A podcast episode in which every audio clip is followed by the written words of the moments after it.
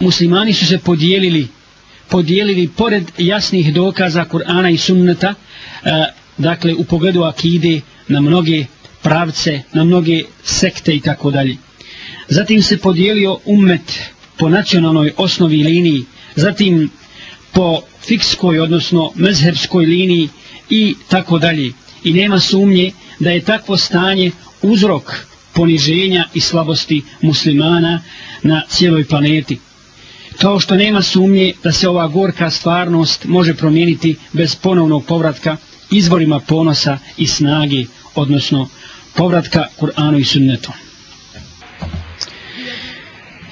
Zato ćemo mi, inša Allah, večeras pokušati iznijeti i spomenuti nekoliko temeljnih stvari, odnosno nekoliko temelja islamskog jedinstva. Dakle, temelji ili osnove bez koji se ne može zamisliti ujedinjavanje muslimana, odnosno njihovo, njihovo zajedništvo, njihovo jedinstvo. Prva stvar i prvi taj temelj, braćo i sestre, jeste davanje Kur'anu mjesta koje mu pripada. To jest svijest i ubjeđenje da je to Allahov govor. Allahova knjiga kojoj laž ne može prići ni sa jedne strane. I da je to poklon od Allaha mu'minima i mu'minkama i milost i uputa svim ljudima. Kaže uzvišeni, A'udhu billahi mine shaitanir rajim, Bismillahirrahmanirrahim, Alif la mim, Zalika al kitabu la rajba fi, Hudan lil muttaqin. Alif la mim, To je knjiga, ili ovo je knjiga u koju nema nikakve sumnje, ona je uputa bogobojazna.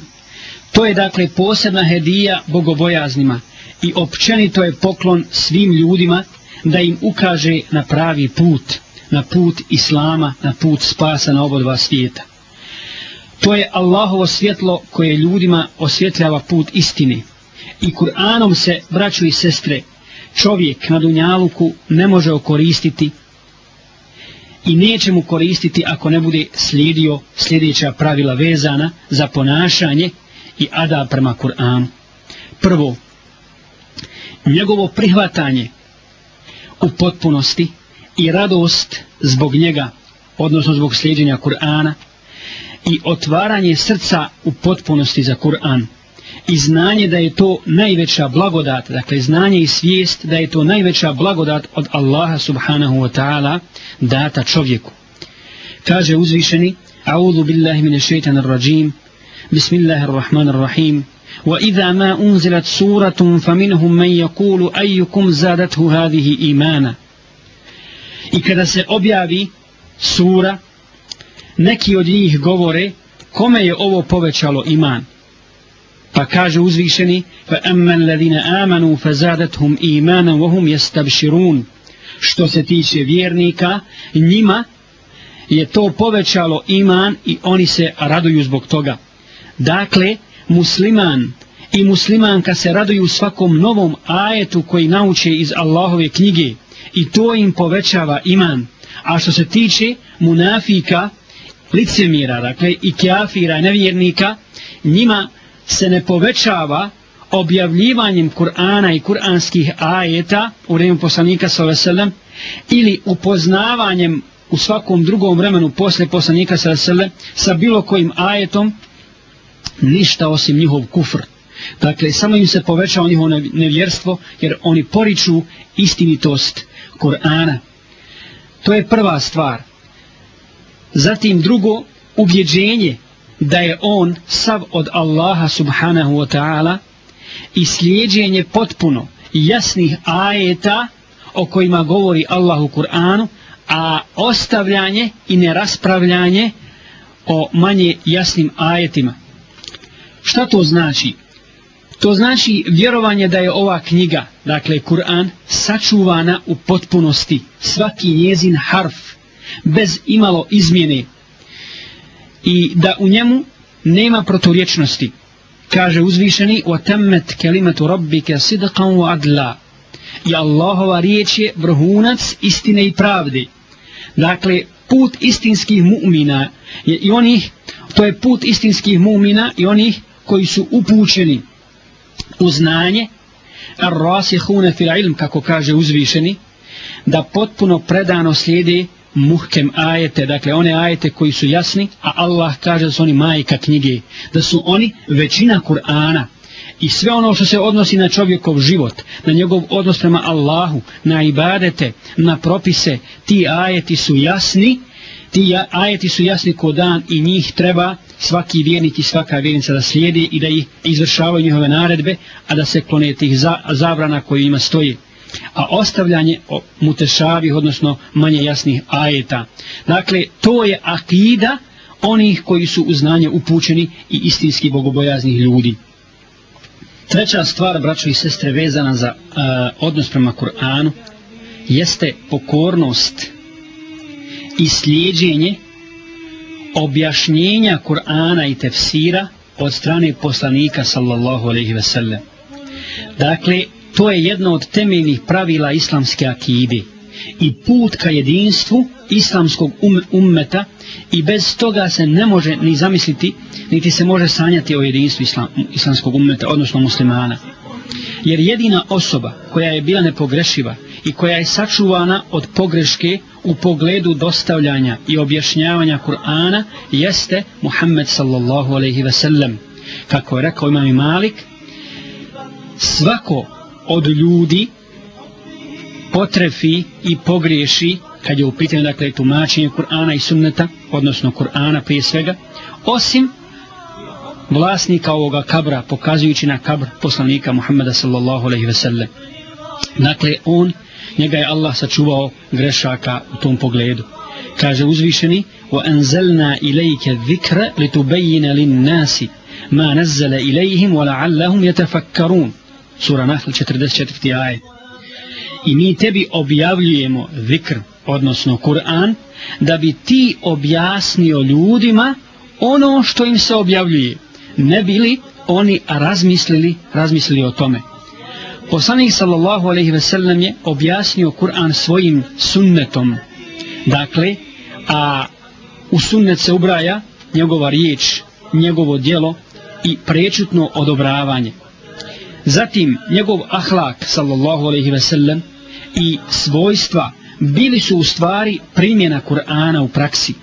I na kraju, sav život je u stvari sav život poslanika Muhammeda sallallahu alejhi ve sellem je praktični primjer življenja, življenja po Kur'anu. Zatim četvrta stvar jeste izvlačenje propisa na osnovu dokaza treba prepustiti ulemi. Ovo je vrlo važna tačka takođe kad je u pitanju naš edeb i naš odnos prema Kur'anu kao Allahovoj uputi, kao Allahovoj riječi sve ono što se samo po sebi jasno ne razumije i što je teško razumjeti običnim ljudima, muslimanima, koji znaju temelja akide i koji znaju propise, to treba prepustiti učenjacima. Kaže uzvišeni, فَسْأَلُوا أَهْلَ ذِكْرِ إِنْ كُنْتُمْ لَا تَعْلَمُونَ Pitajte učene ako vi ne znate, sura Anbija 7. ajet. I nema sumnje, braćo i sestre, da je nepoštivanje ovog pravila donijelo muslimanima muslimanima e, i u prijašnjim generacijama a danas posebno mnogo belaja i mnogo iskušenja kada ljudi ne poštuju pravilo i ovaj adab i ovaj odnos prema Kur'anu i kada Kur'an tumači svak kako god ko hoće po svome nahođenju bez ikakvih dokaza i kada se fetve izdaju bez jasnih dokaza iz Kur'ana i sunneta onda nastaje metež i nastaje nered među muslimanima. E, to je bilo to je bilo to vezano za e, Kur'an odnosno odnos prema Kur'anu. Drugi temelj, braćo i sestre, drugi temelj islamskog jedinstva jeste stavljanje sunneta poslanika sallallahu alejhi ve sellem na mjesto koje mu pripada. A rekli smo malo prije šta znači sunnet i šta se podrazumijeva pod sunnetom i šta u to spada. Muhammed sallallahu alejhi ve sellem je dakle Allahov poslanik i on ne govori po hiru svome. Pokornost njemu znači braćo i sestre pokornost Allahu subhanahu wa ta'ala kako kaže uzvišeni u suri An-Nisa u 80. ajetu men yuti ar-rasula faqad ata Allah onaj ko se pokorava poslaniku on se pokorava Allahu dakle poslanik dolazi da dostavi Allahu objavu i da naredi ljudima da slijede taj put. I onaj ko se pokorava njemu, on se u stvari pokorava Allahu subhanahu wa ta'ala. Ili u drugom ajetu kaže uzvišeni وَمَا آتَاكُمُ الرَّسُولُ فَهُذُوهُ وَمَا نَهَاكُمْ عَنْهُ فَنْتَهُ Što vam poslanik da, to uzmite, a što vam on zabrani, to ostavite. Dakle, slijedjenje, stavljanje sunneta na njegovo mjesto. Davanje, jer sunnet je, braćo i sestre, kod nas jako mnogo zapostavljen jako mnogo zapostavljen i ne daje mu se mjesto koje mu pripada. Često puta čujemo ljude da govore samo o Kur'anu i kažu dovoljno je slijediti Kur'an, a 70% propisa šerijatskih je izvedeno iz sunneta poslanika sallallahu alejhi ve sellem. Pogledajte što kaže Rasul sallallahu alejhi ve sellem kad je u pitanju slijeđenje njega kao Allahovog poslanika. Uh, muslim bilježi hadis od Abu Hurajre u kojem kaže Rasul sallallahu alejhi ve sellem tako mi Allaha, neće niko čuti za mene, bio on židov ili kršćanin, pa ne povjeruje u ono sa čime sam ja došao, a da neće biti stanovnik vatri. Da ponovim ovaj hadis. Tako mi Allaha, neće niko čuti za mene, bio on židov ili kršćanin, pa ne povjeruje u ono sa čime sam došao, a da neće biti stanovnik vatri. I braćo i sestre, ashabi, kao prva i neponovljiva generacija, oni koji su slijedili poslanika sallallahu alejhi ve sellem, koji su povjerovali njegovo poslanstvo su najbolje ovo razumjeli. Oni su najbolje razumjeli šta znači slijediti poslanika sallallahu alejhi ve sellem. Tako da su mu se pokoravali i u malom i u velikom. Dovoljno je samo navesti, dakle ne govorimo o onim stvarima koje su sasvim jasne. Ne govorimo o fardovima, nego o svim stvarima koje dolaze od poslanika sallallahu alejhi ve sellem, od onoga koji ne govori po svome hiru. Dovoljno je spomenuti samo slučaj koliko su uh, ashabi gledali u poslanika, gledali šta će narediti ili šta će zabraniti ili šta će tražiti od njih, šta će reći. Slučaj kada je poslanik sallam u mesjidu držao govor, držao hutbu sa svojim imbere, sa svog mimbara ashabima, a Abdullah ibn Rawaha nije bio došao u mesjid i bio je na putu, na putu za mesjid, prije, prije ulaza u mesčit čuo je da poslanik sallallahu alaihi ve sellem kaže ashabima sjedite kada je to čuo on je sjeo on je sjeo van mesčida na pjesak pa kada ga je vidio poslanik sallallahu alaihi ve sellem rekao je zašto si sjeo a on je odgovorio ja rasulallah čuo sam čuo sam tvoj glas čuo sam da si rekao sjedite i ja sam sjeo Pa je rekao poslan Selem, to se na tebe nije odnosilo. Ali bez obzira na to, dakle, ashabi su, ashabi su pomno slušali poslanika sallallahu alaihi ve sellem, slušali njegove naredbe i smatrali to objavom, jer njegov sunnet je objava. Njegov, kako smo malo prije rekli, on je čovjek koji ne govori po svome hiru. Međutim, naše vrijeme nije ni slično tome Zato jeste situacija među muslimanima takva kakva jeste. Zato su muslimani razjedinjeni, zato su poniženi, zato su potlačeni od istoka, od istoka do zapada, jer su okrenuli leđa kako Kur'anu, tako i sunnetu poslanika sallallahu alaihi wa sallam. فلسطيني فلسطيني فلسطيني ومن يدري بأن الأرض مسلوبة وآيات من القرآن فوق الرأس مكتوبة فلسطيني ومن يدري بأن الأرض مسلوبة وآيات من القرآن فوق الرأس مكتوبة فلسطيني ومن يدري بأن الأرض مسلوبة Cijenjeni slušalci Radio Nabe, vi slušate emisiju Bejan sa temom Temelji islamskog jedinstva od Abdusameda Bušatlića. غدا جمرا وشعبي ناره تصلي وشعب يا من يعفو اغفر ذنبي واجب قلبي حين يلبي الذي وصى محمد كل أهل الأرض تسعد بالذي وصى محمد كل أهل الأرض تسعد فهو من أهدى وأرشد وهو من آخى ووحد فهو من أبدى وأرشد وهو من آخى ووحد إنه الهادي محمد Sljedeći temelj islamskog jedinstva, braćo i sestre, jeste iđma, odnosno slijedjenje puta mu'mina. Slijedjenje puta mu'mina. Slijedjenje puta mu'mina je obaveza jer je poznato da se ummet neće složiti ni okupiti na zabludi kako je rekao Rasul sallallahu alaihi ve sellem u hadithu kojega bilježi Tirmizi od Abdullah ibn Umara Inna Allahe la jeđma ummeti ala dalaletin Allah neće okupiti moj ummet na zabludi I Allah je objavio da je put mu'mina u stvari Allahov put i put njegovog poslanika sallallahu alejhi ve sellem. I ovo je jedna od blagodati koje Allah spominje uz ovaj ummet, ummet Muhammeda sallallahu alaihi wasallam. Zato poslušajte što kaže gospodar svjetova. U Kur'anu, a'udhu billahi mine šeitanir rajim, bismillahirrahmanirrahim, ومن يشاقق الرسول من بعد ما تبين له الهدى ويتبع غير سبيل المؤمنين نوله ما تولى ونصله جهنم وساءت مصيرا onaj ko se suprostavi poslaniku a poznat mu je pravi put. Dakle, ko se suprostavi poslaniku sallallahu alaihi ve sellem, nakon što mu bude jasna istina i pođe putem koji nije put mu'mina. Pogledajte, braće, šta kaže uzvišeni. I pođe putem koji nije put vjernika. Pustit ćemo da čini što hoće i bacit ćemo ga u džehennem.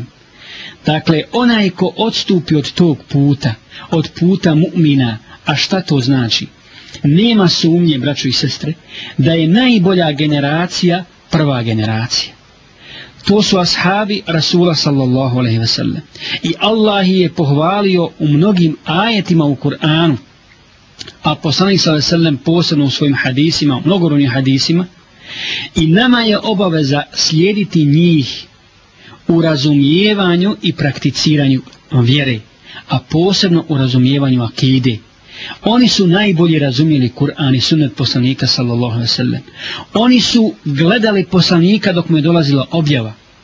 Oni su slušali poslanika sallallahu alaihi sallam kada je objašnjavao propise Islama. Sa njim učestvovali zajedno u ibadetima u, mnogim, u izvršavanju mnogih, mnogih islamskih propisa. I daleko su najviše znali o Islamu bili najbolji mu fesiri, mu hadithi, fatihi i tako dalje. Zato je obaveza muslimanima do sudnjega dana da slijede stazu ashaba Rasula sallallahu aleyhi ve sellem i da razumijevaju vjeru, odnosno Kur'an, onako kako su oni razumijeli Kur'an i sunet poslanika sallallahu aleyhi ve sellem i da prakticiraju islam i islamske propise onako kako su to oni radili i kako su to oni činili. E, I to u stvari bi značio taj iđma, odnosno slijedženje, slijedženje puta mu'mina. E, sljedeća stvar jeste iskrenost u ispovjedanju vjere samo Allahu i udaljenost od međusobne mržnje, neprijateljstva, zavidnosti i slijedženja strasti. To je dakle sljedeći temelj i osnov za jedinstvo muslimana. To je dakle temelj za primanje dijela, govorimo o iskrenosti, koju smo prvo spomenuli. Da bi Allah primio dijela, odnosno da bi čovjeku bila primjena njegova dobra dijela, njegov ibadet, sva njegova dijela moraju biti urađena i učinjena isključivo u ime Allaha subhanahu wa ta'ala kako kaže uzvišen suri Zumer u 11. ajetu kul inni umirtu an a'budallaha muhlisan lahu dini Reci, meni je naređeno da obožavam, odnosno da ibadet činim Allahu iskreno. Dakle, da moja vjera, odnosno moj ibadet bude samo u ime Allaha subhanahu wa ta'ala i samo njemu.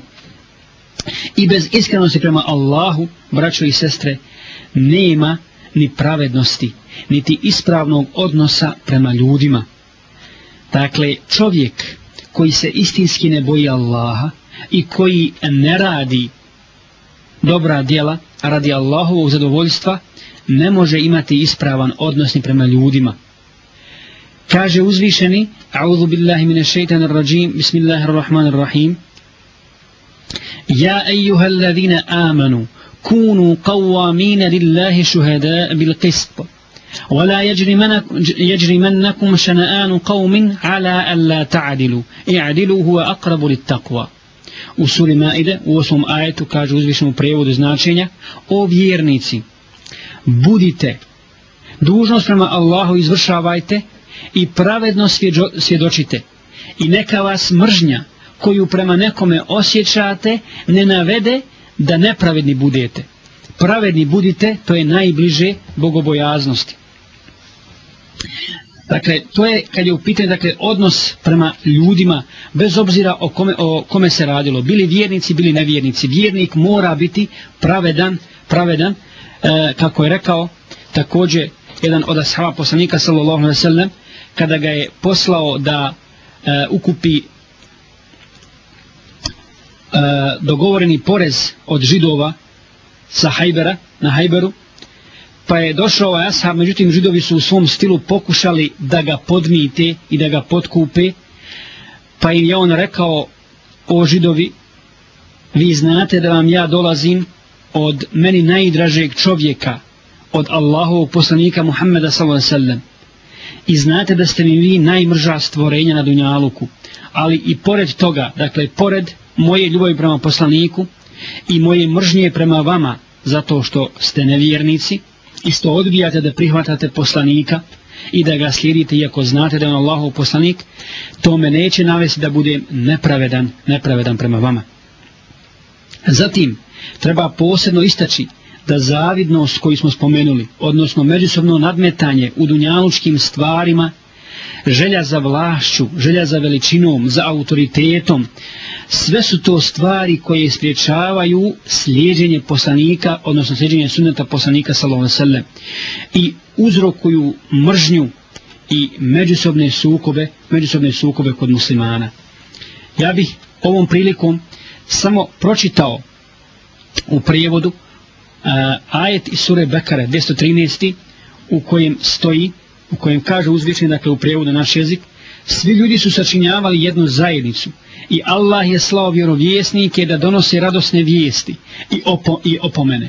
I po njima je slao knjigu, samu istinu, da se po njoj sudi ljudima o onome u čemu, su se, u čemu, u čemu se oni ne bi slagali a povod neslaganju je bila međusobna zavist baš od strane onih kojima je data i to kada su im već bili došli jasni dokazi i onda bi Allah voljom svojom uputio vjernike da svate pravu istinu o onome u čemu se nisu slagali a Allah ukazuje na pravi put onome kome hoće pogledajte braće i sestre pouke i ibreta za sve ljude koji hoće da razmišljaju o Allahovoj istini i o našim međusobnim odnosima, dakle odnosima među vjernicima.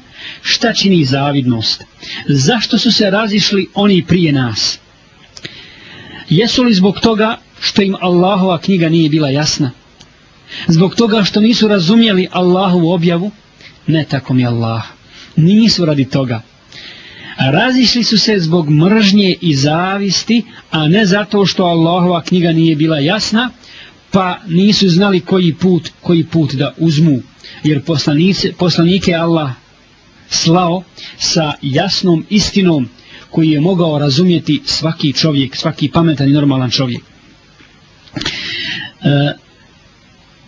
na ovu stvar upući i upozorava poslanik sallallahu alaihi ve sellem govoreći da će bez obzira na sve, dakle u ovome ummetu, stalno biti skupina, skupina ljudi koji neće dozvoliti da ih šeitan zavede preko zavidnosti, preko mržnje, preko bilo kakvih dunjalučkih ciljeva, a da ostavi Allahovu istinu.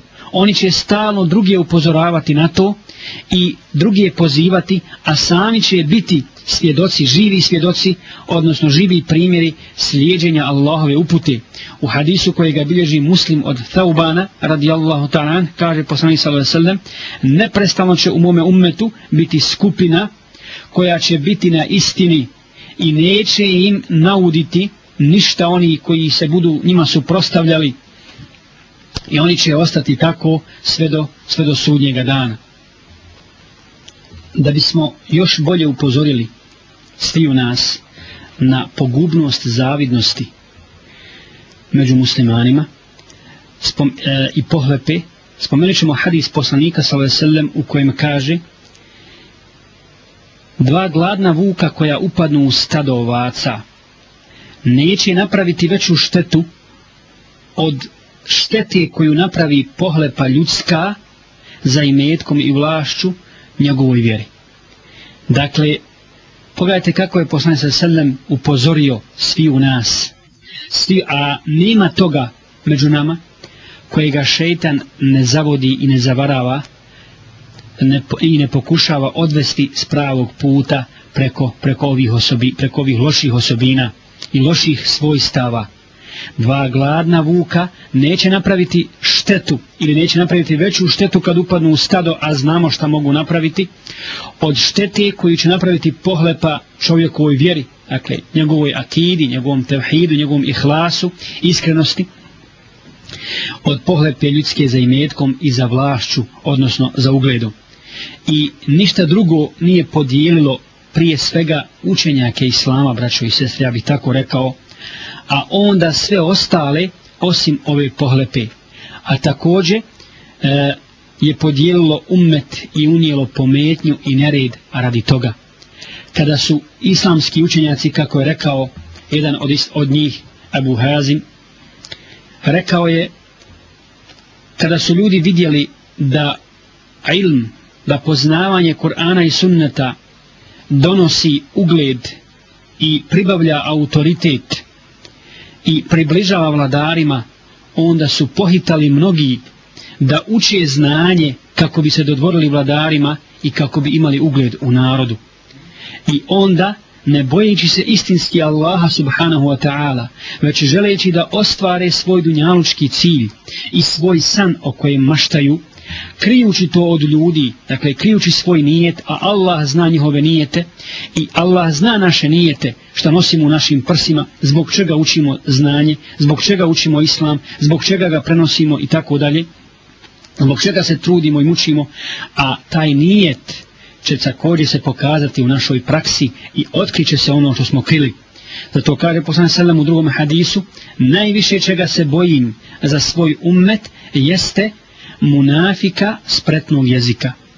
Dakle, munafika licemjera koji je samo riječima izgovorio šehadet, a u srcu krije kufr i negira Allahovu istinu s kojom je došao poslanik sa veselem, ali je spretan na jeziku, sposoban da govori i sposoban da zbog toga obmanjuje mase. Peta stvar, odnosno peti temelj muslimanskog jedinstva, braćo i sestre, jeste uh, poštivanje pravila islamskog bratstva i praktična primjena praktična primjena tih pravila ja bih slobodno rekao ovdje da je jedan od najvećih uzroka slabih bratskih veza među muslimanima danas jeste nepoznavanje adaba islamskog bratstva i njihova njihovo izvršavanje, odnosno njihovo neizvršavanje, iako su objašnjeni i u Kur'anu i sunetu poslanika sallallahu alaihi wasallam. I možemo slobodno reći, braće i sestre, da ne postoji narod, niti vjera, da se može pohvaliti sa nekom svojom ba baštinom i zaostavštinom u pogledu principa bratstva i međusobnog pomaganja i saradnje kao što je to islam. I ne samo to, već je islam došao da izgradi zdravo društvo na zdravim temeljima i da čuva to društvo od svih devijacija od svih, i od svih skretanja. Radi toga je Allah subhanahu wa ta'ala naredio ljubav među muslimanima i učinio je to putem približavanja njemu. Subhanallah. Znači ljubav u ime Allaha subhanahu wa ta'ala e, među braćom i sestrama, među muslimanima i muslimankama je ono što približava Allahu subhanahu wa ta'ala. I obećao je Allah nagradu onome ko bude poštivao te adabe koji vode jačanju bratskih veza. Jačanju bratskih veza. E, a ti adaba ima mnogo. Kao što je širenje selama, kao što je dijeljenje hrane, kao što je zijaret, o kojeme, o svim ovim stvarima postoje mnogobrovni hadisi i o vrijednosti ovih adaba, zatim ugošćavanje gosta, zatim sam, pokazivanje samilosti prema muslimanu, pokrivanje sramote muslimanu ili muslimanki, zatim pomoć i prist, e, pristizanje u pomoć u svakoj situaciji kada mu zatreba, zatim obilazak kad se razboli, saosjećanje sa njim u žalosti i dijeljanje sa njim radosti, nasihat bratu ili sestri, na najljepši mogući način i mnoge druge stvari i mnoge druge stvari. Koliko samo hadisa ima i svaka ova stvar koju smo spomenuli, svaki ovaj adab je tema za sebe. Toliko ima hadisa poslanika sa selme koji upozoravaju na vrijednosti ovih adaba. Pored toga, Allah subhanahu wa ta'ala je onome ko prekine vezu ili ko nasilje učini muslimanu objavio rat objavio rat i obećao mu bolnu patnju. Traže poslanik sallallahu alaihi ve sellem, odnosno spominje hadithi, hadisi kudsi u kojem kaže Allah subhanahu wa ta'ala Man aada li walijen faqad adentuhu lil harb. Onaj ko neprijatelju je i ko se bori protiv mog prijatelja, odnosno protiv mog evlije, a evlija je po učenju ehli sunata vel džemaata, svako onaj, svaki musliman i muslimanka koji se pokoravaju Allahu subhanahu wa ta'ala, koji izvršavaju njegove naredbe, a ostavljaju njegove zavrane, ja sam objavio rat. E, ili hadis i kuci koji bliži muslim, u kojem kaže poslanik sallallahu alejhi ve sellem reći će Allah na sudnjem danu sine Ademu razbolio sam se a ti me nisi posjetio pa će on reći ja rab kako da te, podsje, kako da te posjetim kad si ti gospodar svjetova a onda će mu Allah reći zar nisi znao da je taj taj moj rob bio bolestan pa ga ti nisi obišao a da si ga obišao našao bi mene kod njega odnosno ja bi spustio svoju milost na tebe i nagradio te zbog toga ovo je malo duži hadis pa se spominje dalje čovjek koji je bio gladan pa ga nisi obišao, nisi ga nahranio žedan, pa ga nisi napojio i tako dalje. Sve su to stvari koje donose Allahovo zadovoljstvo i Allahovu nagradu, a ako se ne izvršavaju, Allahovu srđbu i kaznu. I ne samo to, braćo i sestre, nego moramo znati da nema vjere bez bratstva.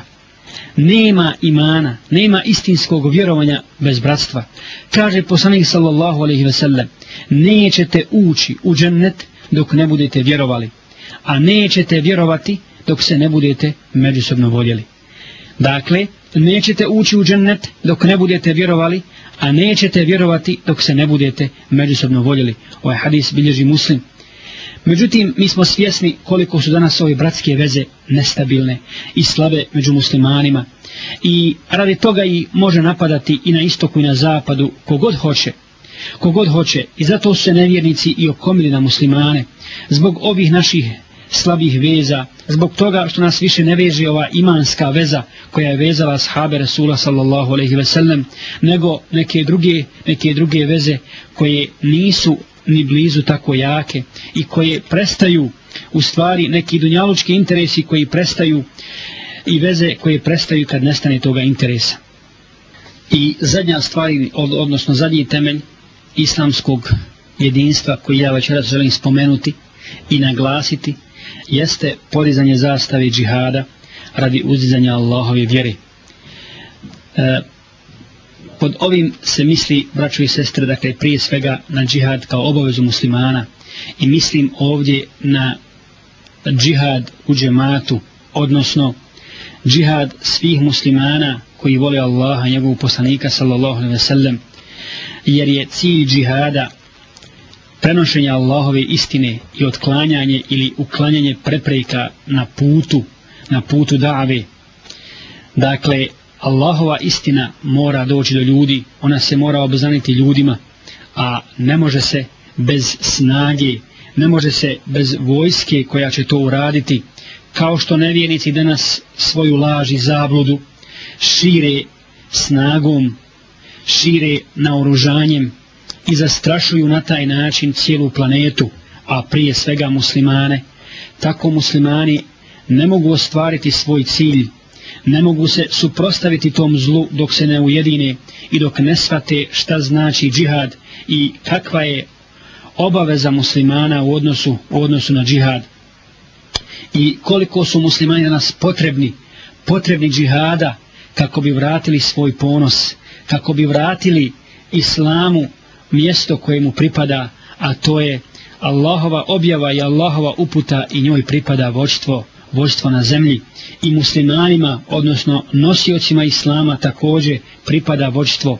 Dotle dok se to ne desi, dok muslimani nestanu jedan saf, dok ne budu uh, izvršavali ovaj fard, odnosno vodili džihad pod jednom zastavom, pod zastavom tevhida, pod zastavom la ilaha illallah i bili ljubomorni prema Allahovim granicama koje se i Allahovom šarijatu koji se krši nemilice nema hajra za muslimane neće se muslimani spasti poniženja niti se mogu ujediniti oko bilo čega drugog osim oko Kur'ana i sunneta niti im ujedinjavanje oko, nekog, oko nečeg drugog oko bilo kakve druge ideje može donijeti hajr neće dakle hajrovati muslimani ni u Bosni, niti u, na, u, u bilo kojoj državi, na bilo kojem drugom mjestu.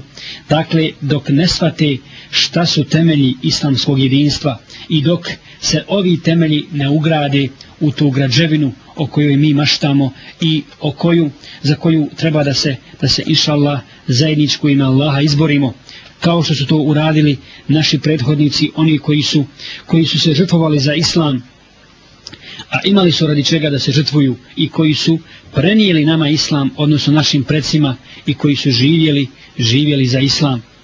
Danas muslimani žive za neke druge svoje ciljeve i kad treba pomoć i kad treba stat u odbranu prava, odbranu slobode, odbranu temeljnih ljudskih prava, onda se poziva na nešto drugo, onda se poziva onaj koje nama blizak kao komšija ili koje iste nacije kao i mi, a u stvari on ne razmišlja i ne nosi osjećanje, ne nosi ideju i ne slijedi ideju koju mi slijedimo, odnosno koji slijede muslimani.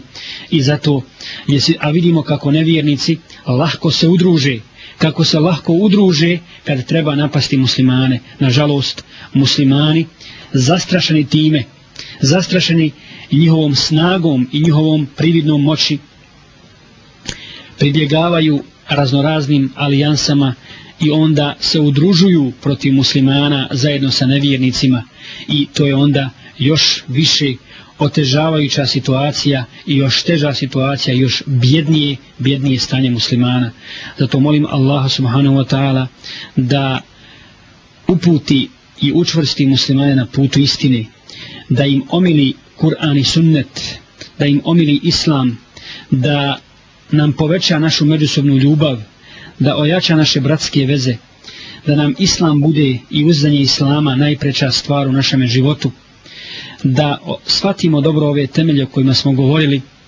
da nas Allah učini od onih koji će biti borci na njegovom putu, borci u promicanju Allahove istine i da nam Allah oprosti grijehe, da ubrza pobjedu svoje istine da nas uvede u džennet. Amin. Jazakum Allah, khair, subhanak, Allah, hamdik.